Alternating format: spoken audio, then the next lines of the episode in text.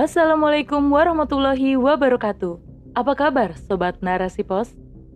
Kali ini bersama saya Giriani di rubrik Opini. Narasipos.com Cerdas dalam literasi media, bijak menangkap peristiwa kunci. Ancaman badai hyperinflasi akankah berujung resesi oleh Ragil Rahayu SE? Waspada, ancaman badai hyperinflasi ada di depan mata.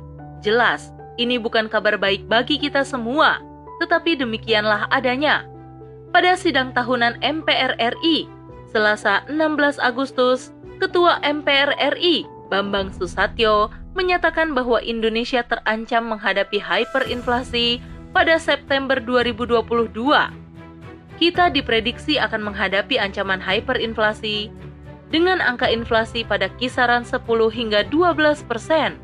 Ucapnya, menurut Bambang Susatyo, lonjakan harga pangan dan energi akan membuat inflasi semakin tinggi. Hyperinflasi merupakan kondisi ekonomi yang ditandai oleh naiknya harga barang dengan cepat dan menurunnya daya beli. Bisa dikatakan, hyperinflasi adalah inflasi yang terjadi secara cepat.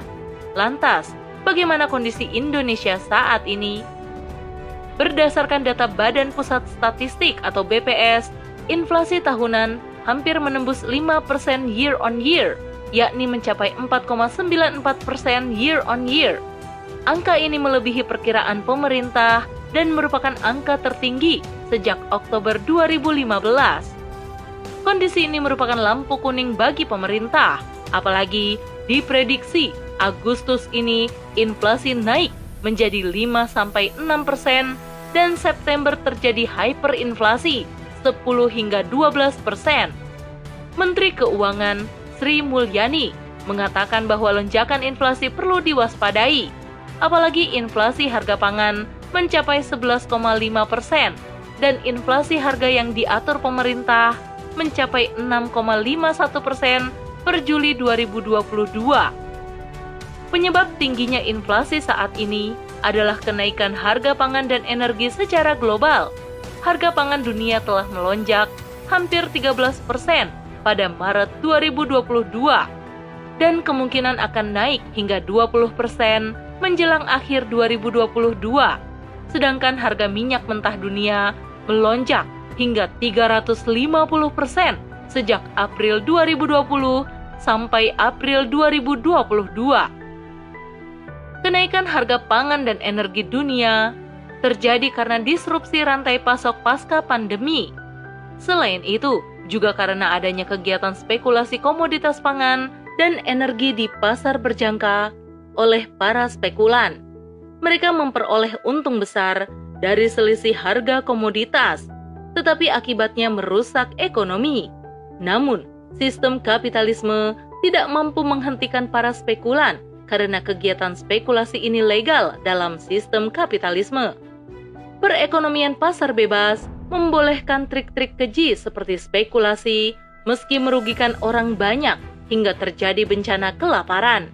Sayangnya, ketika ekonomi dunia sedang bergejolak, Indonesia tidak memiliki ketahanan. Krisis pangan dan energi di dunia internasional memberikan tekanan terhadap inflasi dalam negeri pemerintah tidak mampu menghadapi tekanan global. Akibatnya, setiap hari rakyat dikagetkan dengan kenaikan harga pangan.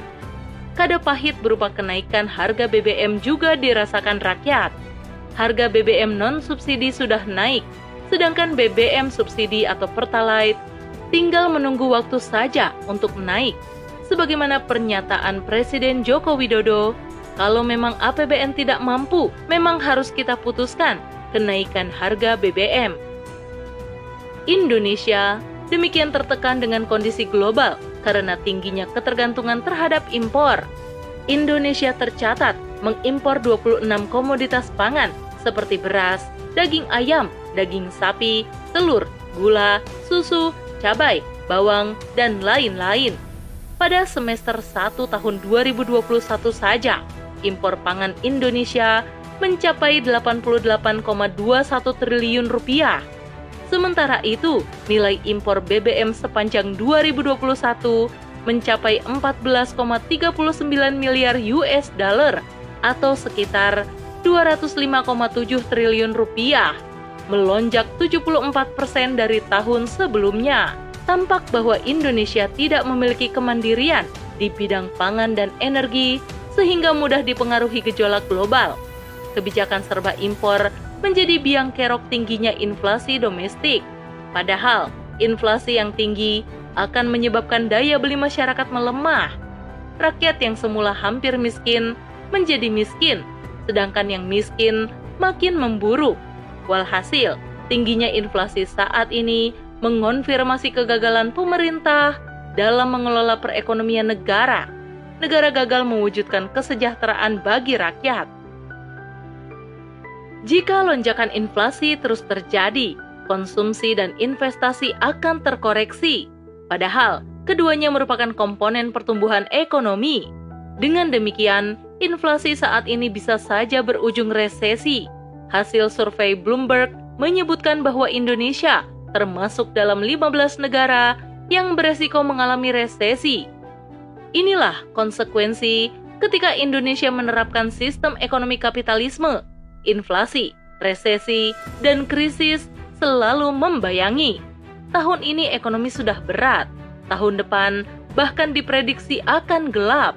Selain itu, sistem kapitalisme juga menjadikan negara-negara besar bersikap individualis. Mereka, negara produsen pangan, telah melakukan pembatasan dan bahkan penghentian ekspor pangan ke Indonesia karena kekhawatiran krisis pangan di dalam negeri mereka. Kebijakan negara-negara tersebut berpengaruh besar ke Indonesia karena ketergantungan yang tinggi terhadap impor. Hal ini menunjukkan kegagalan pemerintah dalam menyediakan kebutuhan pokok berupa bahan pangan secara mandiri. Sebagai negara agraris, Indonesia mestinya mampu memenuhi kebutuhan pangan dalam negeri, tetapi nyatanya malah impor bahan pangan. Inflasi sudah menjadi watak ekonomi di bawah kapitalisme oleh karena itu, selama masih menerapkan kapitalisme, kita tidak bisa berharap terbebas dari ancaman inflasi. Bahkan, yang terjadi adalah stagflasi, yaitu inflasi terus-menerus. Satu-satunya solusi adalah dengan menerapkan sistem ekonomi Islam. Di dalam Islam, tindakan spekulasi merupakan tindakan haram, sehingga negara khilafah akan melarangnya dan menindak tegas pelakunya khilafah akan mewujudkan kemandirian ekonomi. Sektor strategis seperti pangan dan energi harus dipasok secara mandiri, sehingga negara lain tidak akan mampu memengaruhi kondisi ekonomi domestik. Sektor energi akan dikelola negara, tidak diserahkan pada swasta, sedangkan hasilnya akan dialokasikan untuk kesejahteraan rakyat, yaitu penyediaan BBM murah. Jika masih ada keuntungan, akan digunakan untuk kemaslahatan rakyat, misalnya penggratisan pendidikan dan kesehatan. Hal ini menjadikan beban ekonomi rakyat tidak berat, karena rakyat tidak perlu mengeluarkan uang untuk pendidikan dan kesehatan. Khilafah akan mewujudkan politik ekonomi Islam, yaitu jaminan pemenuhan kebutuhan pokok rakyat berupa sandang, pangan, dan papan, sehingga terwujud kesejahteraan rakyat individu per individu negara tidak akan membiarkan pemenuhan kebutuhan pokok tersebut berdasarkan mekanisme pasar sebagaimana yang terjadi dalam kapitalisme saat ini.